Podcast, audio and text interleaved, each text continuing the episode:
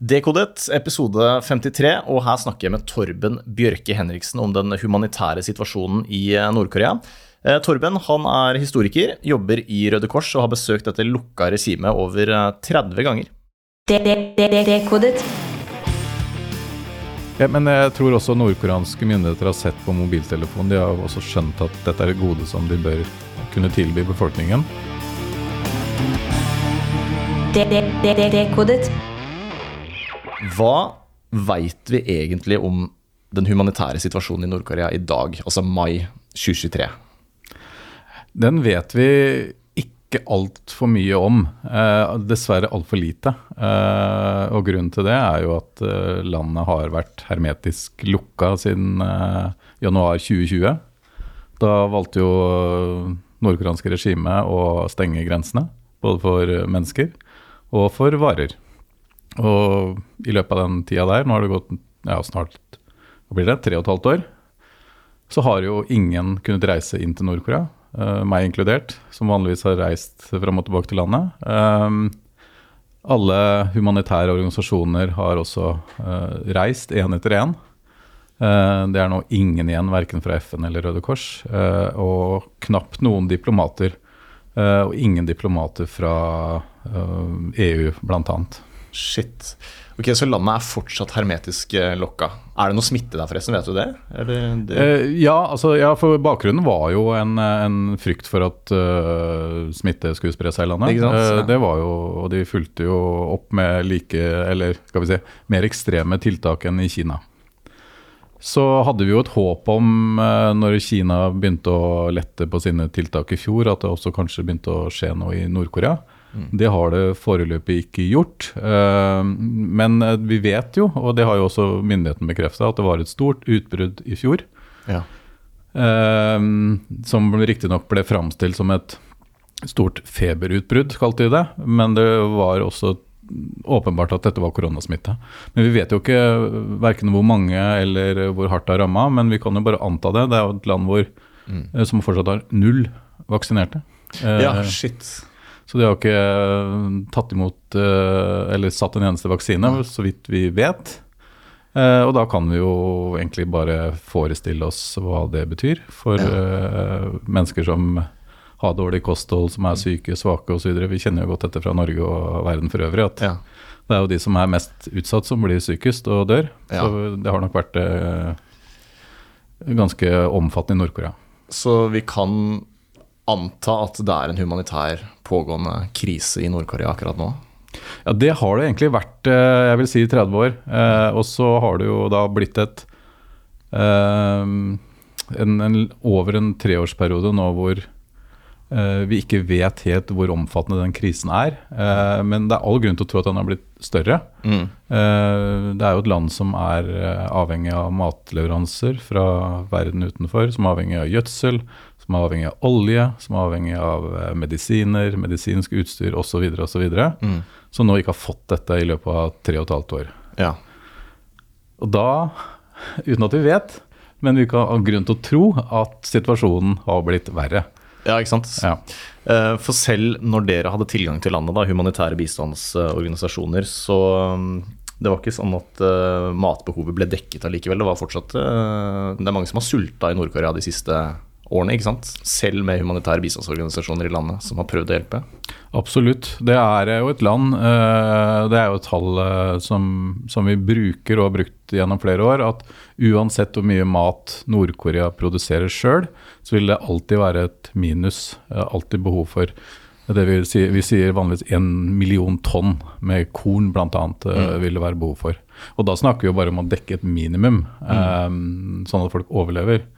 Så nå har jo disse leveransene, hovedsakelig fra FN og Verdens matvareprogram, stoppa helt opp. Uh, og det er jo mat som går til barn, til gravide, til de som trenger absolutt mest. Mm. Stoppa helt opp. Så da er jo Nord-Korea helt avhengig av det de produserer sjøl. Ja. Uh, og det vet vi da, det de produserer sjøl er ikke nok. Nei. Nei. Og det er utelukkende for å forhindre smitte at de, at de lukker helt. For det er ønskelig fra ledelsens side at, uh, å få inn bistand, er det ikke det? Skulle man tro. Det er et veldig interessant spørsmål. og Den offisielle linja er jo at dette er et smittebegrensende tiltak. Eh, og, og, Det vil jeg også bare si at med all grunn så innførte de ganske sånn drakoniske tiltak som det var, å stenge landet helt. Det er jo ingen andre land som har gjort det på samme måten. Eh, men et smitteutbrudd i Nord-Korea vil jo eh, ramme ekstremt hardt, og har trolig ramma ekstremt hardt. De har jo ikke et helsetilbud. Eh, man blir trolig sykere nesten av å dra på sykehus i Nord-Korea Mm. fordi det ikke er noe. Eh, og disse sykehusene er i hvert fall i vintertid kaldere enn en i husa til folk hjemme. Ja. Uh, og instrument, eller sykehusinstrumenter er, kan være rustne, uh, ja, osv. Det er ja, et, et sted du ikke blir frisk, nødvendigvis. Um, men så er det også det at øh, Smitte er jo én ting, men det rammer jo så, så brutalt på alle andre områder. Eh, annet det som, eh, som vi har snakka om nå, om at alle disse humanitære leveransene, enten det er eh, mat, vann, medisiner, ikke kommer inn i landet. Så det rammer jo også veldig hardt. Eh, men vi, vi, vi velger jo å tro at dette er et smittereduserende tiltak først og fremst. Mm. Eh, men det kan også være grunn til å tro at det er politisk. At Ja. Nord-Korea bruker dette som noe, å vise verden at vi klarer oss sjøl. Ja, og det har vel også vært tendensen eh, de siste jeg vet ikke, 30-40 åra, at det har blitt mer og mer og mer lukka, har det ikke det? Og så har det virkelig skrudd igjen nå på slutten. Jeg vil si at det har gått altså Jeg har jobba med Nord-Korea i, i 20 år. Vi har- Det jeg har opplevd, da, er jo at det har gått litt i bølgedaler. Okay. Noen ganger har vi opplevd at uh, det har blitt mer eh, åpent og liberalt, i hvert fall i nordkoreansk sammenheng. At vi har fått lov til å se mer, at vi har fått lov til å ta flere bilder. Uh, vi har kanskje fått lov til å være litt sånn mer fleksible når vi har besøkt landet. Kanskje ta noen ja, spontanturer, kalle det det, eh, hit og dit. Og så ved neste besøk så har man skrudd igjen den fleksibiliteten, og det har blitt vanskelig, og ting har plutselig blitt veldig vanskelig. og Ja. Det har blitt langt mer nei, og, og, og det får vi jo ikke en forklaring på hvorfor. nei, ikke sant. Det kan være politiske grunner til. Men nordkoreanerne har et eget ord for det, har de ikke det? Eh, At de skal være selvforsynte og klare seg selv. Yurch, eller vet ikke om jeg uttaler det riktig. Jo da, det er god uttale, det. Eh, ja, det er jo en, på en måte en eh, stolpe i, i ideologien i landet. At de skal være selvberget, selvforsynt innenfor alle livets områder, som det heter. Ja.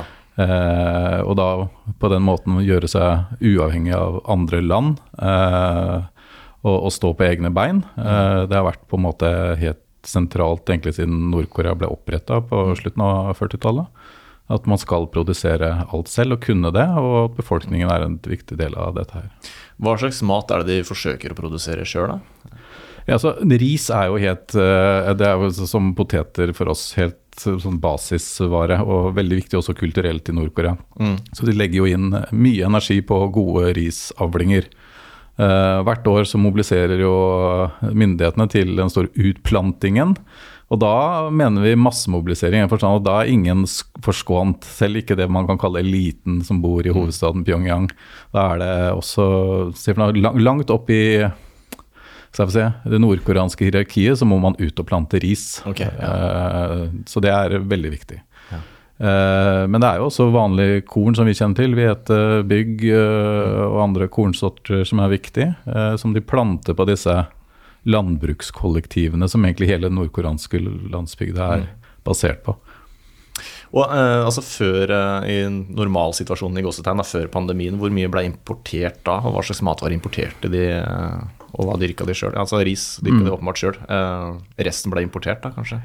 Ja, altså Nord-Korea har jo ikke eh, en, deg en sånn vanlig sånn eh, importhandel, sånn som eh, de fleste andre land i verden har. De får, får nok en del eh, eh, korn eh, fra sin nabo i nord, Kina, eh, som står og ganske subsidiert eh, import av, av korn. Um, og de får også noe som er helt avgjørende for at de skal få ok avlinger, er gjødsel. Og det er også kommet fra Kina. Ja. Eh, så, så leveransene først og fremst kommet der. Altså Nord-Korea har jo sanksjoner mot seg så langt som et vondt år. Og det finnes vel knapt noen flere sanksjoner å trekke opp av hatten. Så det er jo veldig få land som har en, normal handel med, med Nord-Korea i dag. Ikke sant. Og det er, eh, det er på landsbygda at disse åkrene og at de produserer maten, er det ikke det? Det er helt Eh, riktig. Og hvordan er denne, for det syns jeg er litt interessant, altså forskjellen på by og land i Nord-Korea. Jeg vet i hvert fall, Er det ikke hovedstaden som heter Pyongyang? Eh, sett noen dokumentarfilmer i det siste, og der ser det jo ut som at de lever relativt siviliserte liv. da. At de, Om de ikke er uh, rike, så er det i hvert fall uh, De ser jo ikke lutfattige ut, de som bor der.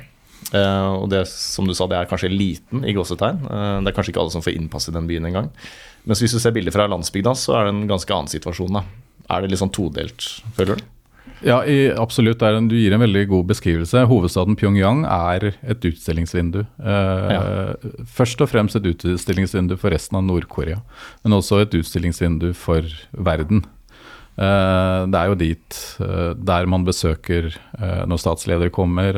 Den byen er jo bygd opp som en showcase for, for ja, først og fremst landets egne innbyggere. Er, og der finner man faktisk det meste man trenger. De siste åra har det blitt enda finere å bo i Pyongyang. Man har pizzarestauranter, kaffebarer, eh, fine restauranter. Man får tak i noenlunde det man finner i andre byer, faktisk. Ja. Eh, og framstår relativt moderne. Jeg vil kanskje sammenligne med en mellomstor kinesisk by, sånn, eh, sånn levestandard. Men ser man liksom litt bak kulissene der, så er det mye som skurrer. Eh, Det er eliten som bor i Pyongyang, definitivt. Det bor anslagsvis to-tre millioner mennesker der, og de som bor der, er tilhører absolutt den heldige delen av befolkningen, for å kalle det det. Ja. De har tilgang til mer mat, de har tilgang til bedre bolig, eh, tilgang til andre goder, transport, som befolkningen utafor byen ikke har. Um, og det ble ansett som um, uh, ja, en, en, nærmest en premiering å få lov til å bo i, i Pyongyang. Ja. Uh, og byen blir jo da på nordkoreansk TV og andre medier framstilt som eh, et fantastisk flott sted. Og mange på landsbygda drømmer om og får en sjelden gang lov til å besøke Pyongyang. I, på gjennomorganiserte reiser til, mm. til hovedstaden, enten for å se eh, en kulturopplevelse, for, forestilling av noe slag. Eh, de har disse masse eller arrangementene som eh, en del kanskje har sett på TV, hvor det er ekstremt eh, koreografi på det som da også skal være verdens største stadion. Eh, nærmere 200 000 mennesker som, eh, som får innpass der. Eh, Jeg vil jo si kanskje at eh, 60% av de som sitter på denne stadion er jo deltakere sjøl, så det er jo ikke, antall, det er ikke tilskuerne som bidrar, først og fremst.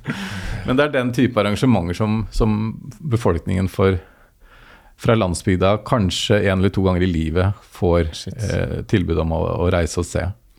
Eh, og det ruller og går på nordkoreansk TV, hvor flott og fint det er i Pyongyang, og stadig nye prosjekter som igangsettes, enten det er skyskraper eller, Mm. ja, eh, eller andre prosjekter.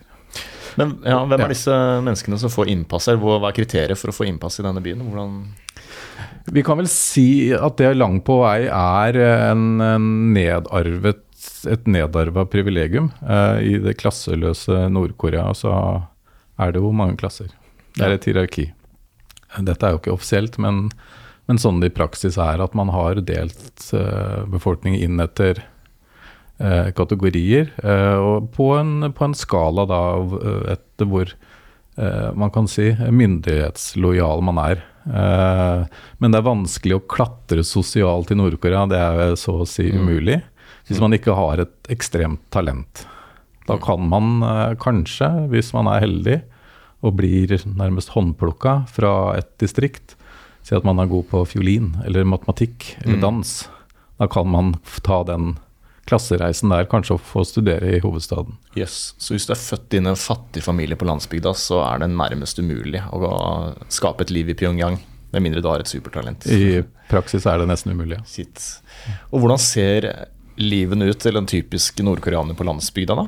Fordi det, altså De dokumentarene jeg har sett, de, der er det mest fra Pyongyang. ikke sant? Det er kanskje der det er enklest, og der man får lov til å filme. da. Mm, Veldig mm. få bilder fra, fra utkanten, føler jeg. Mm, det er jo helt riktig, og det har jo vært på en måte jeg vil kalle det privilegium ved å jobbe i Røde Kors, at vi har fått lov til å reise på kryss og tvers på landsbygda i Nord-Korea og sett noe annet enn enn, eh, det offisielle Pyongyang og statuer osv. Og, det er en helt Du reiser nesten uh, inn i en annen virkelighet, uh, og en by som du merker på meteren hvor det slutter. Eh, du er utafor bygrensa. Og da åpner det seg store sletter eh, med åkre, enten det er risfelt eller andre, eh, ja, annet jordbruk. Og så kom man eh, ganske snart til eh, landsbyer eh, med hus. Bygd i koreansk stil med sånn vippetak og landsbyer som jeg ofte ser ikke har en strømledning inn til seg. Og Da kan man jo tenke seg at hvordan det står til der. Det betyr jo da at de ikke har strøm, men det betyr også at de ikke har innlagt vann. De har ikke da pumper, brønnvann. Um, alt som egentlig Pyongyang har, har disse landsbyene ikke. Nei. Og jeg vil jo si at det er jo ikke noe bedre i byene, kanskje i enkelte sammenhenger ganske verre. Så mellomstore nordkoreanske byer, Mm. som også er um, Si for noe, produkter av en arkitektur fra 50-tallet med noen sånne lavblokker. Eh, ofte plastikk foran vinduene, det har vært glass en gang. Eh, jeg tror det er bare også viktig å si at dette har en gang vært et relativt velfungerende eh, industrisamfunn. Ja, det er interessant på 70-tallet, er det det? Helt riktig. Eh, helt fram til 70-tallet så lå jo Nord-Korea foran Sør-Korea. Ja. Bruttonasjonalprodukt og på mange måter også i levestandard. Så man har gått fra å være et relativt velutvikla industrisamfunn til å bli et jordbrukssamfunn. Ja. Uh, med, og da kan man jo Det er kanskje vanskelig å forestille seg, men saken er jo at siden slutten av 80-tallet eh, så har det ikke gjort, vært gjort investeringer. F.eks. oppussing, vedlikehold, noe som helst. Nei. Men lappa på det som har blitt bygd da, fra 50-tallet opp til sent 80-tall. Det er helt sinnssykt å tenke på. Jeg kan ikke komme på et annet land som har gått liksom baklengs inn i fortida på den måten. Nei. Det fins sikkert, men det er, bare, det, det er jo helt vilt. Ja, det er, det er på mange måter ganske unikt sånn sett, tror jeg. Og heller ingen på en måte et sammenligningsgrunnlag. Og det er jo ofte det man tenker når man er et nytt sted, at man prøver å trekke en parallell til noe annet. Om det kan være sånn på Cuba eller i Kina eller Mm. Eh, Men jeg klarer heller ikke å på en måte å, se at det finnes noe tilsvarende. Det er interessant hva gamle, eldre nordkoreanere tenker om det. Da. De som opplevde Nord-Korea på 50-tallet, 40-tallet, 60-tallet. Mm. Før, eh, før det ble et sånn fullt ut jordbrukssamfunn. Du har ikke snakket med noen selv? Eh, jo, jeg, jeg har jo snakka med ganske mange nordkoreanere. Eh, og det er også en forskjell fra andre land, hvor man ofte, når man snakker med lokalbefolkningen, så får man jo vite litt mer. Her er kanskje det snarere tvert imot, får man vite nesten ikke mindre, men man får i hvert fall ikke vite noe mer. Eh, fordi de har jo eh, I utgangspunktet er det jo forbud å snakke mot utlendinger hvis ikke man har en tillatelse til å gjøre det. Mm. Eh, Så når jeg er der, så får jeg jo kun snakke med de som er håndplukka for å snakke med meg. Ja. Så når vi kommer ut på landsbygda der og gjerne vil stille spørsmål til en som bor i en eller annen landsby, en bonde eller en mor eller hvem det måtte være, så får vi jo en uh, offisiell linje, sånn forhånds Nesten et manus, hva de kan si. Mm. Uh, og det gir jo veldig ja, noe, minimalt med informasjon. Så vi Ja. får nesten bare bruke øya og øra. Eh, Og så enkelte ganger så har, vi jobber jo da gjennom våre kollegaer. Det er jo også I Nord-Korea så er det jo et Nord-Korea Røde Kors. Og de har vi jo, eller i hvert fall jeg, hatt eh, kontakt med opp gjennom 20 år nå. Uh, og får lite innblikk i det nordkoreanske livet der, men da må det jo sies at dette er jo privilegerte mennesker som har fått studere i hovedstaden Pyongyang, og Mm. ja, som på en måte også i liten grad kan identifisere seg med folk på den nordkoreanske landsbygda. Nettopp, ikke sant. Mm. Men så når dere eh, driver med Heter det feltarbeid også i Nord-Korea? Ja. Dere får ikke gå fritt rundt alene. altså Det er alltid følge av noen ikke sant? som passer på hva dere sier og hva dere gjør. og, og sånne ting. Absolutt. Eh, det er jo en evig dragkamp. Eh, for det første så får vi jo ikke lov til å dra på et spontant besøk fra hovedstaden og ut til et av disse prosjektene som vi støtter, enten det er i en landsby eller på et sykehus. Eh, Så det må jo planlegges i god tid i forveien, eh, og et da ganske rigid program. Eh, Vi kjører ut, og så er det satt av tid når, til når vi kommer fram, og da blir vi jo fotfulgt både av kolleger fra Nord-Korea Røde Kors, men også fra det lokale sikkerhetspolitiet. Det er veldig synlig, ikke noe, Mm. legger ikke skjul på det. Eh, og selv et dobesøk eh, er jo sånn at man blir fulgt Mm. ikke inn i avlukket, men nesten tett på der. Ja. At, så Får dere ha med dere mobiltelefoner og sånn inn i landet? Ja, det Der har det vært en liten eh, noe, politikkendring de siste åra. Fram til kanskje 2015-16 så var det helt forbudt å ha med mobiltelefon inn i Nord-Korea. Den, eller inn, inn, inn i utafor flyplassen. Den ble da låst inn i en liten eh, Hva heter det en liten, Safe, po- ja. ja, en liten safe på flyplassen. Så fikk man den man dro. Vi har nå fått lov til å i senere år ta den med inn. Ja. Eh, det kan jo da brukes som en kamera, for vi har jo da ingen dekning i Nord-Korea. Eh, for det, de bruker da et innenlandsnettverk som kun er for nordkoreanere. Ja, og kanskje kun for eliten også. Eller Ja. til eh, ja. Ja, men jeg tror også nordkoreanske myndigheter har sett på mobiltelefonen. De har også skjønt at dette er et gode som de bør kunne okay. tilby befolkningen. Hm. Eh, Men de har da et innenlandsnettverk og et, jeg vil si et nasjonalt intranett, skal vi kalle det det. Okay, ja. Hvor de serverer nordkoreanske nyheter eh, à la hva som gjerne har skjedd i Pyongyang, eller Mm. at det har vært taekwondo-mesterskap i Pyongyang og veldig fokus på alt som skjer i Pyongyang, eller Mm. Eh, gode resultater fra en eh, hønsefabrikk eller ja, kyllingproduksjon. Ja. Men, eh, ok, men hvordan ser en Sist du var der, da, hvordan så en typisk arbeidsdag ut for deg? Som på oppdrag for Røde Kors, da. Mm.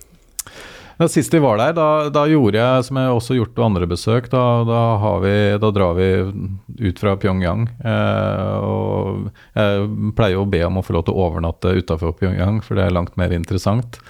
Eh, og da blir vi jo innlosjert på et hotell, bare for å starte der. Eh, det er jo da et hotell eh, som er tom for folk, som regel. Eh, og to, kanskje det fineste hotellet i byen, det pleier å være. Eh, men det er jo da folketomt, mer eller mindre. Tomme, mørke ganger. Um, og vi får klar beskjed om at vi får ikke lov til å forlate hotellet eh, og gå en tur, f.eks. Uten eh, følge, og knapt nok det. Det er veldig strengt. Jeg har til og med også tidligere opplevd at de har tatt hengelås på døra på hoved, hovedinngangen på hotellet Yes. for at vi ikke skal gå ut. Eh, for vår egen sikkerhet, som det blir. Eh, ja?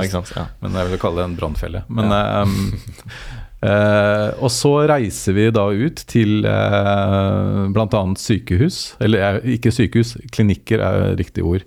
Eh, små eh, klinikker som er, gjerne er en del av et landbrukskollektiv. Som dekker den klinikken dekker den 3000-4000 mennesker.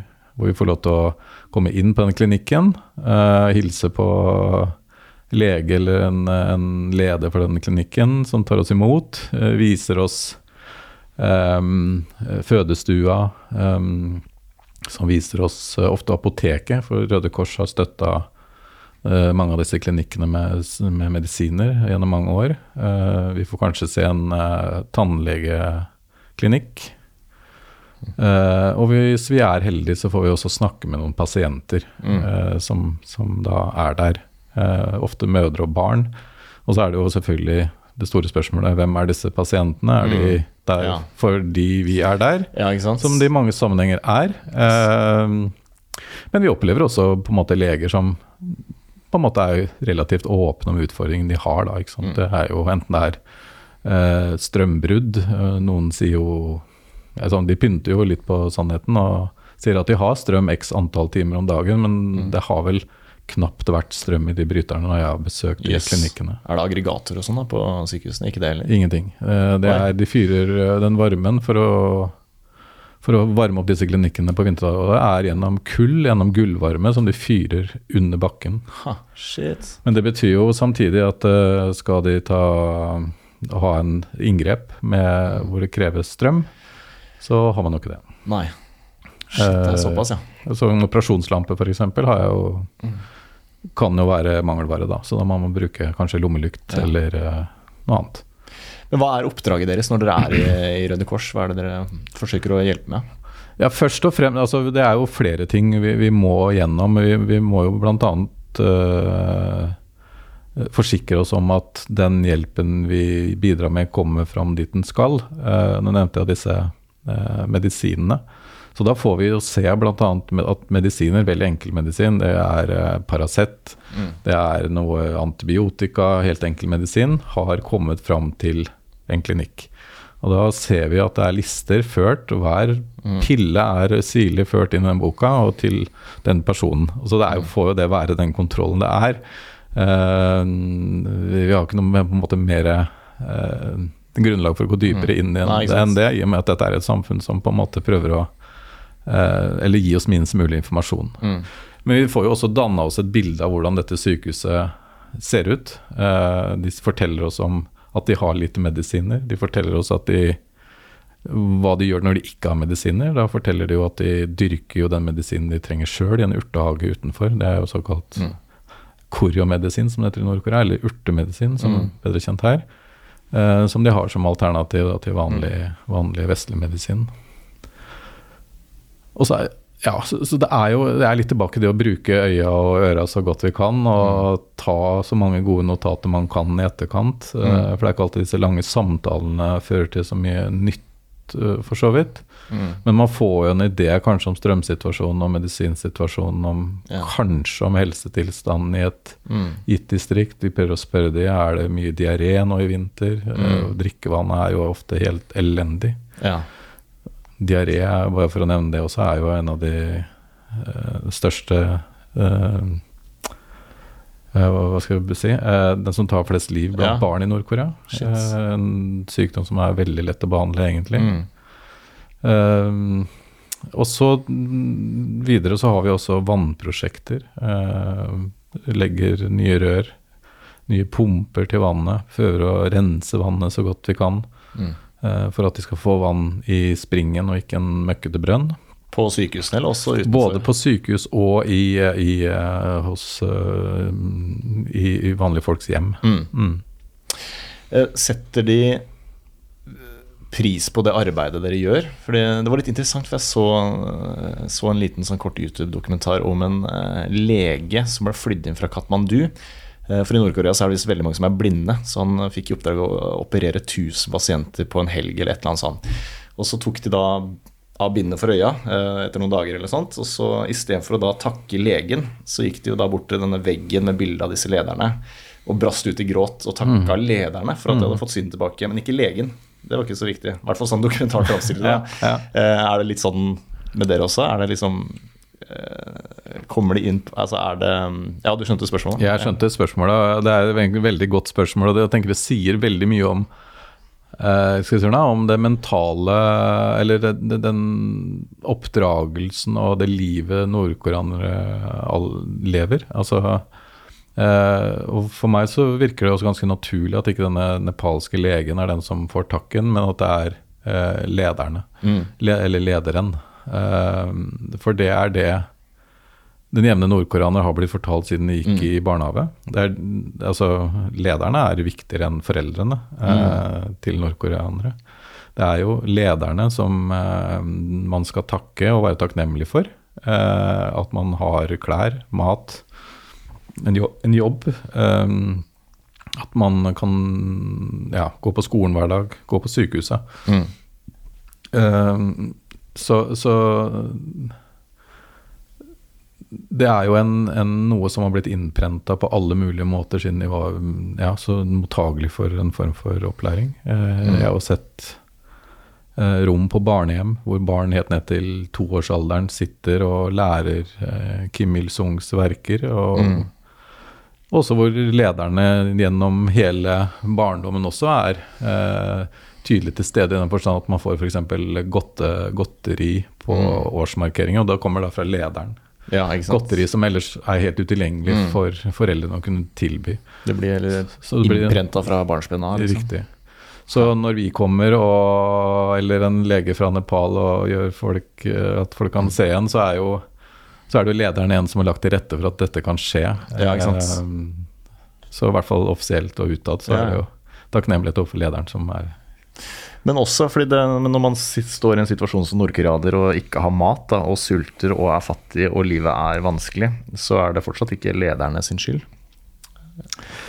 Nei, det er jo ikke det. Og det er jo øh, en annen sånn litt sånn øh, unik ting ved Nord-Korea. Altså, jeg, jo, jeg har vært i en del andre land i verden hvor også det her ikke er noe særlig, og det er store humanitære utfordringer. Eh, men det er jo ikke noen demonstrasjonstog verken i Pyongyang eller ute på landsbygda. Eh, veldig lite synlig nød. Eh, ingen kjente undergrunnsbevegelser i Nord-Korea som jobber imot regimet. Eller ikke internasjonalt. Veldig få støttegrupper for Nord-Korea. Det finnes jo noen, men veldig lite oppmerksomhet rundt dette her. Eh, en del av forklaringen på det er jo at eh, nordkoreanske myndigheter har vært flinke til å tegne et internasjonalt fiendebilde eh, helt siden Koreakrigen, som de færreste har noe forhold til i dag. Eh, kanskje litt eldre generasjon har sett MASH Mm. på begynnelsen av 70-tallet. Eh, men at det er et land som har vært i beredskap siden 1953, eh, og fortsatt er det. Der fiendene står på ved inngangsporten til landet, enten det er USA eller Sør-Korea eller Japan. Mm. Eh, og Derfor må landet hele tiden være i en sånn type krigsberedskap. Eh, Uh, og bruke da selvfølgelig mye ressurser på militæret, enten det er utvikling av atomvåpen eller uh, Forsvaret for øvrig. Så ressursene blir jo da pløya dit først og fremst. Nå skal det riktignok sies at mat er prioritet nummer to, Mm. men militæret er først. Ja. Uh, og det er en offisiell politikk på det som heter Songum. Ok, ja. Ja. Eh, så vet jo ikke vi som kom på besøk om dette på en måte er noe som er akseptert av befolkningen for øvrig, Eh, men, men sånn er det i hvert fall. Mm. Eh, og vi har jo heller selvfølgelig aldri opplevd noen som har vært kritiske til regimet Mm. Nei. på noen som helst måte, og, og sagt ifra. Nei, ikke sant. Nei. Kan du se for meg at regimet kanskje trenger dette fiendebildet da, for å kontrollere befolkningen? Uh, antagonisten er USA. Mm. Vi står i krig med USA. Mm. Og at det er den fortellingen som blir prenta inn. da. Om den er sann eller ikke. Ja, og den fortellingen blir jo folk fortalt hver dag. Den er jo, det er jo ikke det at jeg får så mye ut av å se på nordkoreansk TV, men jeg får i hvert fall når jeg er i Nord-Korea muligheten til å se nordkoreansk TV. Ja. Og jeg pleier å se litt og se om det er noe nytt. Eh, og, og, men dette budskapet med, med at fiende, fiender eh, står på dørstokken, det blir jo innprenta Ja. gjennom enten det er såpeoperaer, hvor storyline er eh, heltmodige nordkoreanske militære som kjemper mot uh, de amerikanske imperialistene, som er brutale og voldtar og dreper, og, eller i nyhetssendinger, selvfølgelig. Mm. at uh, int- Såkalte internasjonale nyhetssendinger hvor eh, det er et, en, en merkelig framstilling av bl.a. Mm. USA. Ikke sant? Mm. Men det, altså, det må jo finnes noen kritiske stemmer blant nordkoreanere også. og Jeg blir veldig sånn, når jeg ser på disse dokumentarene og jeg ser at de, den lojaliteten de viser til lederne, og de står og griner foran disse bildene, så lurer jeg på hvor mye som kommer innenfra, Mm. og hvor mye som er rett og slett frykt for represalier, eller at de, de er rett og slett nødt til å vise følelser og lojalitet. Da. Ellers så blir de straffa, kanskje. Hva vet jeg. Eh, men du har jo også du har jo avhoppere. Eh, Som kommer seg til Kina, videre til Thailand og så videre ut i verden. Eh, Så det finnes jo de som eh, ikke bare bøyer seg. Det, det, det er det.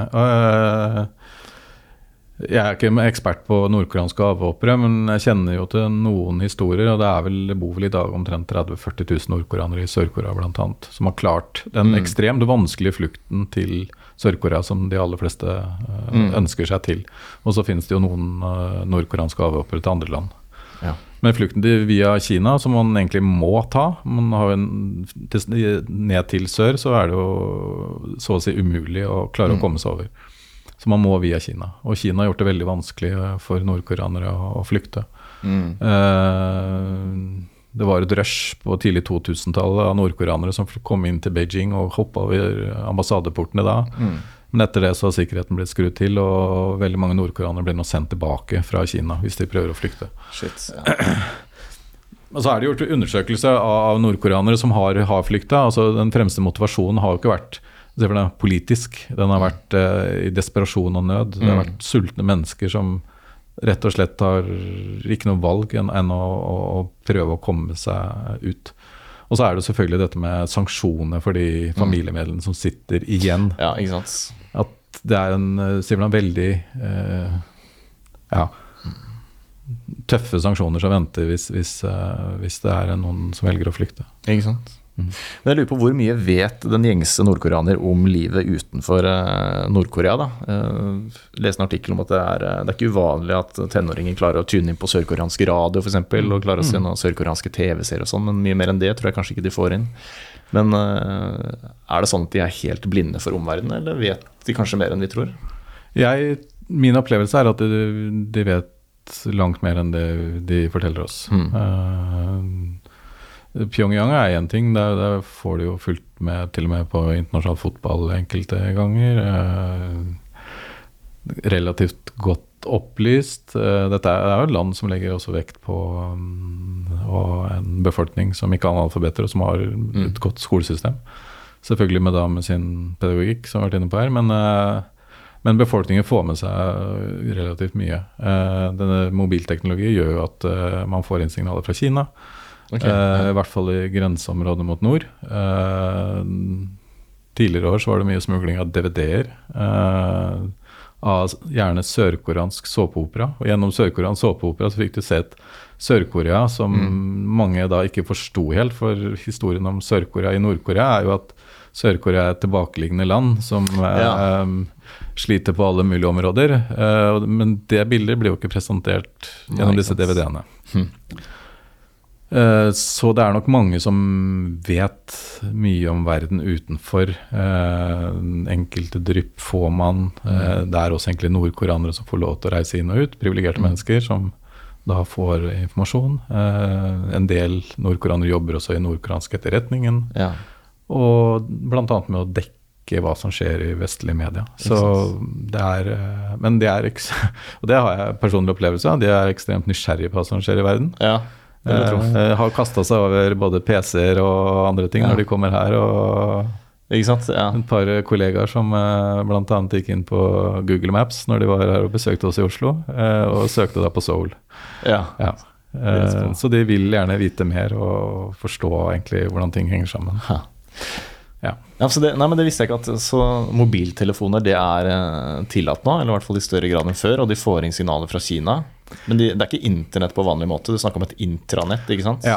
Nei, det er bare for å uh, si det. Altså, de har et, et nordkoreansk uh, på en måte lukka nettverk Mm. eh, med da eh, mobiler som på en måte ikke er rigga for å ta inn internasjonale signaler, men det blir jo smugla inn mobiltelefoner fra? Kina Ja, med kinesiske SIM-kort, eh, Ja. som gjør at man kan nettopp. eh, få signalene inn derfra. Det er en måte å, få inn en del informasjon på. Ikke sant? Men hvis du kjøper en eh, mobiltelefon i Nord-Korea, så har ikke den tilgang på Så har ikke den normal tilgang på et internasjonalt nettverk, nei. Mm.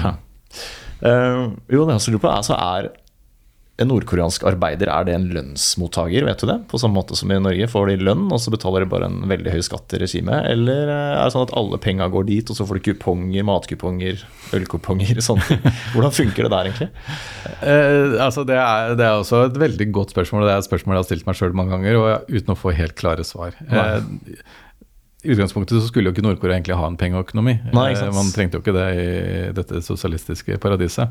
Men man har jo penger i Nord-Korea. Man har en Won, er jo valutaen, og den brukes jo. Man får lønn i won, så vidt jeg vet. Mm. Eh, men eh, hvor mye og hvordan og Nå er det jo en del av på en måte de, de tingene vi bruker penger på, som nordkoreanere ikke bruker penger på. F.eks. bolig Det er jo noe som staten eh, gir deg.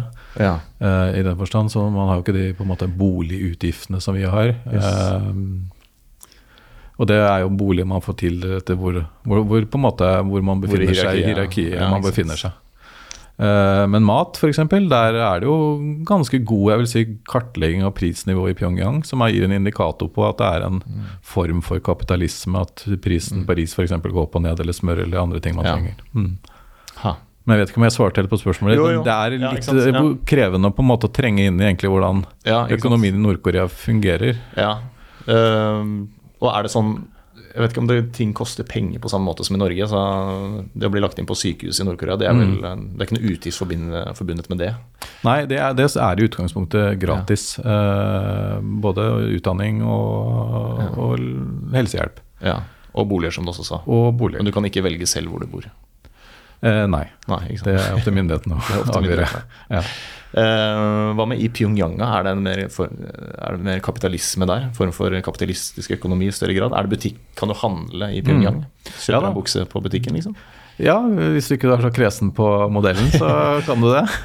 Ja, det er noen, ja, jeg skal kanskje kalle det en litt sånn Sten og Strøm-aktige butikker. Noen okay, type ja. à la kjøpesenter. Ja. Eh, det er nok ikke der si for noe, vanlige Nord-Korea handler, nordkoreanere, nordkoreanere handler. Eh, det er eh, nok eh, helt andre steder enn der de tar med oss utlendinger. Men eh, man kan få kjøpt ting, eh, og man får tak i det meste, enten det er elektronikk, kanskje litt utdaterte modeller, men ganske mye slipper jo gjennom fra Kina. Mm. Til tross for sanksjoner så har jeg jo sett både laptoper og andre ting som er til salgs.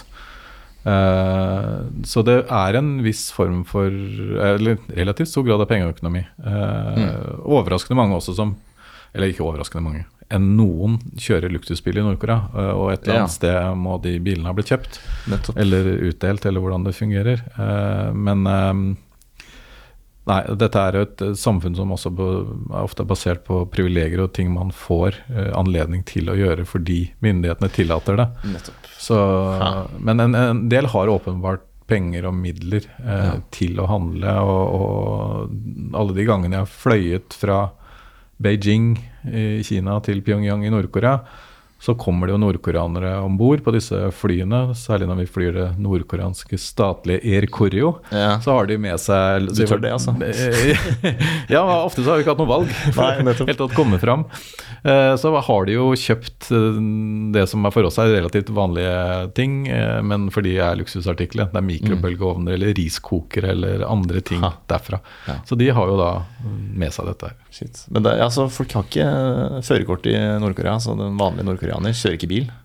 Nei, altså det har blitt litt flere biler i Nord-Korea de siste åra, men inntil eh, kanskje for ti år siden så var det i utgangspunktet bare på en måte militære og veldig høyt oppe i hierarkiet, eh, type mm. elite, som hadde tilgang på bil. Ja. Og Da er kanskje infrastrukturen ganske dårlig utbygd også, veinett og sånn. Ikke Den er, eh, Eksisterende, kanskje? er eh, veldig dårlig. I Ja. Pyongyang så er det et, eh, et godt, godt veinett, men kommer man utafor Pyongyang, så er du veldig fort på grusveier. Kanskje Mm. kalle det gode grusveier, men uh, dette er jo såkalte hovedveier, da, som er grus i Mm. mil etter mil etter mil etter mil. Uh, som tidligere kanskje var et betongdekke, som er uh, borte i dag fordi det har gått i stykker. ha. Uh, så mye av den nordkoreanske på en måte, veiinfrastrukturen er jo egentlig også bygd for å eh, Som et rigg for en mulig invasjon Ja. eh, og en krig. Det er jo bygd for å kunne ta ned MIG-jagere på motorveier, ta, ta tanks. Men i dag så er jo mye av dette her smuldra bort. Ha. Fascinerende, altså. Og du har Du er vel den i Norge som har vært i Nord-Korea flest ganger, har jeg skjønt? 30, eller over 30, er det det? Ja, jeg vet jeg har gått faktisk litt ut av telling, men det er der er omkring. Ja, Når var du i Nord-Korea første gang, egentlig? Første gang var i 2003. Ja. Oi, shit, så du har vært der eh, Så jeg har vært der 20-årsperiode. eh, i en 20 20-årsperiode, ja. Hvis vi Eh, ikke tar med de tre siste koronaåra. Mm. Um, og vært der nærmest hvert eneste år, da, kanskje? eller? Ja, det har jeg. Eh, De første åra reiste jeg både to og tre ganger, så det har ikke vært noe sånn fast intervall, men jeg har prøvd å reise i hvert fall en gang i året. Hvordan har den utviklingen vært, da? Følger du siden 2003 til siste år der i 2019? Eller 2020? Den har vært eh, si, veldig interessant å følge. Interessant å følge i den forstand at uh, politikken har jo vært annerledes fra de første årene jeg var der. Da var det jo en, den såkalte sunshine, eller solskinnspolitikken med Sør-Korea, hvor det var på en måte et håp om en slags eh, Ikke gjenforening, men en, et mildere politisk klima med Sør-Korea. Mm. Hvor det var et eh, mer utstrakt samarbeid om å ja, å få til en sånn, eh, et bedre forhold til naboene i sør. Eh, Så da prøvde vi bl.a. å få til samarbeidsprosjekter mellom Sør-Korea og Nord-Korea Røde Kors. Mm. Noe som stranda ganske brutalt når eh, Nord-Korea testa sin første atombombe i 2006. Ja. Da var jo den politikken lagt død med en gang. Eh, Etter det så har det jo vært også regimeskifter som har eh, prega landet. Eh, det ble jo ny leder i 2012, eh, Kim Jong-un, som har sittet der. Og kom jo også inn som et var sånn, i nordkoreansk sammenheng, et nytt og relativt ungt og friskt pust. Eh, sikkert en del som har fått med seg historier om uh, flørting med både Disney og amerikanske basketballstjerner underveis. eh, Som også på en måte har vært en sånn ja, en, en form for nytenking i Nord-Korea. Men uansett om man slår disse 20 åra sammen, så er det jo på mange måter et ekstremt statisk samfunn. Altså Det er jo basert på en modell fra kanskje det vi kan kalle en sovjetstat på Mm. 50-tallet. Ja. Det er landbrukskollektiver som dominerer matproduksjon. Det er jo ikke noe utvikling sånn som vi Nei. normalt tenker om utvikling. Eh, enkelte kan jo reise kanskje til Pyongyang og se byfornyelse der, men det betyr jo ikke at resten Ja, ja. av landet får noen nei. del av det.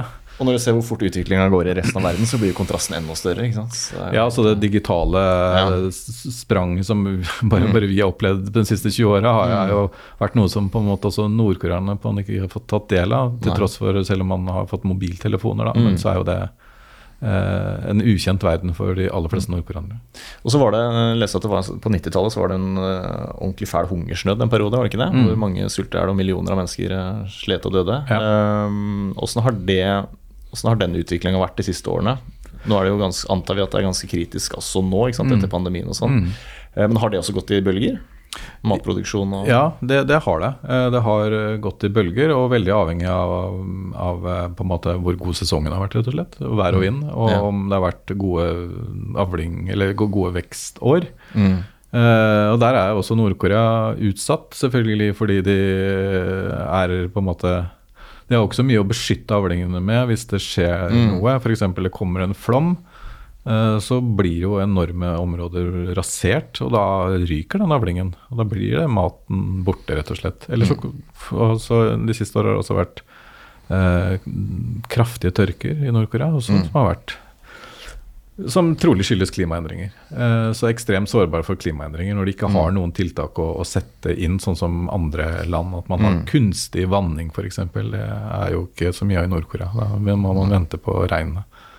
Eh, Men den matkrisa som var på midten, slutten av 90-tallet, den har man trolig ikke sett maken til et, i etterkant. Ok. Det er, var ekstremt, og vi vet jo fortsatt ikke hvor mange som døde. Det anslås mellom 500 000 og 3 millioner, så det er et stort spenn. Men for de menneskene som opplevde den krisa der, Mm. så har det satt dype spor. ja. Eh, ikke at at de snakker om det så ofte, men de refererer ofte til en sånn type situasjon. ja. Da var det jo en Det var jo noe som ikke jeg har fått med meg, men da lå jo mennesker og døde bokstavelig talt i veikanten Ikke sant. eh, gjennom flere år. Og gjennomsnitts-nordkoreaneren er vel også lavere enn gjennomsnitts-sørkoreaneren, selv om det er jo samme folk, egentlig. Ja, og det er, det er jo kanskje heller der eh, vi, vi skal ha oppmerksomheten, at det er nå, eh, kan kanskje si snart den andre, tredje generasjon med nordkoreanere som får for lite og for dårlig mat. Ja. Shit. Som hemmer utvikling, som hemmer både fysisk og mental utvikling. Ja. Uh, og det er ingen tvil om at, som du sier, at uh, folk spiser langt bedre enn i, i Sør-Korea og har tilgang til et moderne helsevesen. Mm. Er det noen episoder du husker fra de gangene du har vært i Nord-Korea, som du som kunne vært gøy å trekke fram? Du har vært der 30 ganger, så jeg regner med du har opplevd litt? Eller er det er kanskje helt likt hver gang? At Nei, du blir fotfulgt av noen soldater? Ja, altså, nei, jeg har flere historier. Jeg kan i hvert fall dele en av dem. Og det, jeg var vel eh, se for deg, jeg var litt for, um, litt for avslappa. Jeg hadde vært der såpass mange ganger, følte jeg, at jeg uh, ikke var oppmerksom nok. Eh, Jeg satt på fly fra, fra Beijing til Pyongyang. Eh, vanligvis så pendler jeg på Østfoldbanen eh, her hjemme. Og da leste jeg en bok om Nord-Korea, og den boka hadde jeg klart å få meg i den ryggsekken jeg hadde på fly fra Beijing da til Pyongyang. Eh, og så shit, tenker jeg, og så sitter jeg der med den boka, og den er jo eh, regimekritisk eh, og veldig tydelig omslagsbilde med piggtråd og soldater og alt så, og så videre og så videre. Eh, så tenkte jeg, hva, hva skal jeg gjøre nå? Jeg, og så prøvde jo liksom å Kan jeg kvitte meg med den boka på noen som helst måte? Men jeg, jeg valgte da å tenke at det blir jo enda kanskje verre om jeg legger den på fly, at det Mm. blir oppdaga da også. Eh, Så jeg valgte å ta den med og satsa på det gått bra. og det, Vanligvis så går det veldig greit i den nordkoreanske passkontrollen og Mm. tollen. Eh, Men det gjorde det ikke den gangen her. Eh, Den ble jo da Jeg ble jo da stansa og av nordkoreanske toll, tollere som ser ofte ganske fryktinngytende ut. De har jo sånne hatter som man har sett på TV, med store bremmer og stjerner på skuldra. eh, som lurte på hva dette her var for noe. Eh, og det begynte å bla, og det var, så, var det bilder i boka som var eh, Ja. tydelig liksom anti-nordkoreanske. Ja. Eh, så kommer da en kollega fra Nord-Korea Røde Kors, og så spør han eh, går dette her bra, eller? Eh, så svarer han at ja, dette er alvorlig. Oi. Og da kjente jeg at uh, da sank uh, hjertet og maven ganske med frist i minne. uh, han amerikanske studenten Otto Ja. Som hadde blitt ja, Mishandla og og sendt tilbake til USA i koma og døde kort tid etterpå for å ha revet ned nordkoreansk plakat av veggen. Så jeg, nå kjente jeg at jeg begynte å bli ganske eh, engstelig for hva som var neste. Og jeg ble da ført inn på et eget avhørsrom på flyplassen. eh, og de tilkalte enda mer sånne høyranka eh, offiserer, da. Men så kom de med fire stjerner på skuldra her og skulle da snakke med meg. Som da gjennomfører da et avhør eh, om denne boka. Og det gikk jo da på for det første hvor jeg hadde kjøpt boka. eh, og da klar, klarte jeg å rote meg inn i og da måtte jeg til også få, altså Denne boka hadde jeg kjøpt på nettet. Ja. Og da måtte jeg begynne å forklare hvordan det fungerte, eh, Ja. og så videre. Eh, og så var det ikke minst hva jeg syns om boka, Mm. eh, som jeg da i hvert fall i det avhørsrommet måtte ta helt avstand fra. Og Ja. ga et veldig galt bilde av Nord-Korea da som jeg måtte forklare. ja. Eh, og det ble også spørsmål om hvor langt jeg hadde lest i boka. Mange Ja. sider. Jeg vil gjerne ha det i prosent, faktisk. Det var litt, ofte litt vanskelig. Du trakk fra litt da, kanskje? Prøvde å ta litt, ja. Uh, og jeg måtte til slutt skrive under på en form for tilståelse uh, der. Shit. Så Og etter det så Vi satt vel der kanskje Det føltes kanskje lenger enn det var, men Ja. det var kanskje tre kvarter uh, Ja. i et sånt type rom. Eh, og da ble skal jeg si, da, resten av oppholdet ganske prega av det, og jeg fikk Ja. litt sånn, eh, mental støtte hos den svenske ambassadøren til Nord-Korea. som Svensken har en ambassade der Mm. som prøvde å forsikre meg om at dette kom til å gå bra. De gjorde jo det, jeg sitter jo her i dag. Mm. Uh, men uh, det var i hvert fall kanskje en av de mest sånn si for noe? Ja, tøffe Ja. Uh, Fordi man Når man reiser inn i Nord-Korea, så reiser man Da blir man jo da er man jo prisgitt eh, hva myndighetene måtte Ja, ja. finne på. De, for det første så tar de jo fra meg passet når jeg lander der, og får det tilbake når jeg skal dra. Så det er jo ikke bare å, å reise ut Mm. igjen. Uh, så du er jo der på deres nåde. Uh, så det er jo ting jeg ja. grubla på på natta, da. Ja, det skjønner jeg, fordi når du gikk ut av det avhørsrommet, så var du, var du vel ikke helt trygg på at dette var At du var helt ferdig da, ikke sant? Det kunne jo komme mer. Det kunne komme mer, og jeg må si jeg har aldri vært så letta, tror jeg, som når jeg satt på det Air China-flyet som da tok Ja. fra Pyongyang, og visste at jeg var, var trygg, ja. liksom, var trygg. Ja. Ja. Shit. Eh, når var det her, forresten? Var det, sånn- Det var i 2017, Ja, så Ja. det er en av de senere turene du har hatt, ja. Ja. men jeg har jo reist tilbake etter det, og det har gått Ja, fint. det gått ja, fint, ja. ja. Det er ikke sånn at du nå er, står i et register hvor de følger litt ekstra godt med på deg, liksom? Det, det. jeg regner med at jeg har en ganske fyldig eh, mappe, både i Pyongyang og så kanskje også på ambassaden i Stockholm, eh, i og med at jeg har vært der såpass mange ganger. Mm. Jeg regner med at den boka er Ja. nevnt der, ja. Eh, tenker du å dra tilbake på et tidspunkt, hvis Nord-Korea da åpner eh, dette hermetiske Ja, jeg håper jo på det. Altså, det er jo Jeg tenker jo, jeg har nesten tenkt hver gang at dette blir kanskje mitt siste besøk, av en eller annen grunn. Fordi jeg følte liksom som ja, ganske privilegert å få lov til å reise dit, og et sånt land som veldig få har mulighet til å dra til. Men jeg håper jo at det blir en mulighet senere også. eh, ikke minst fordi jeg har jo også fått, i hvert fall må kalle det, bekjente i Norge Røde Kors, som jeg kjenner litt til familielivet til, fulgt barna deres. eh, til og med hatt dem hjemme. Jeg bor i Fredrikstad, hatt dem hjemme på middag i Fredrikstad. egentlig. Oi, de- har du det? Så vi har en slags relasjon. Ja. Eh, men eh, den, er jo den er jo så nær som man kan med nordkoreanere. men Det, det går til et visst punkt, og så er det Mm. Ja. stopp. Men jeg må jo si at det, det blir jo en veldig en del av Ja. meg eh, når jeg har vært der så mange ganger. og Men de som har besøkt dere hjemme i Fredrikstad, er det privilegerte nordkoreanere da, som har muligheten til det? Det er det. Det er jo da mennesker som lever et privilegert liv i Pyongyang, har fått Mm. studere på de beste universitetene der, som Mm. snakker veldig godt engelsk. Ja, ikke? Eh, og som har på en måte all, nesten alle privilegier man kan drømme om i Nord-Korea. Som selvfølgelig også da får lov til å reise ut av landet og hit. Ja, ok. Så det var ikke første gang de forlot eh, landet sitt? Nei da, det, ikke er folk som er ganske Ja. verdensvante, faktisk. Mm. Um, hva er dine tanker om fremtiden til Nord-Korea?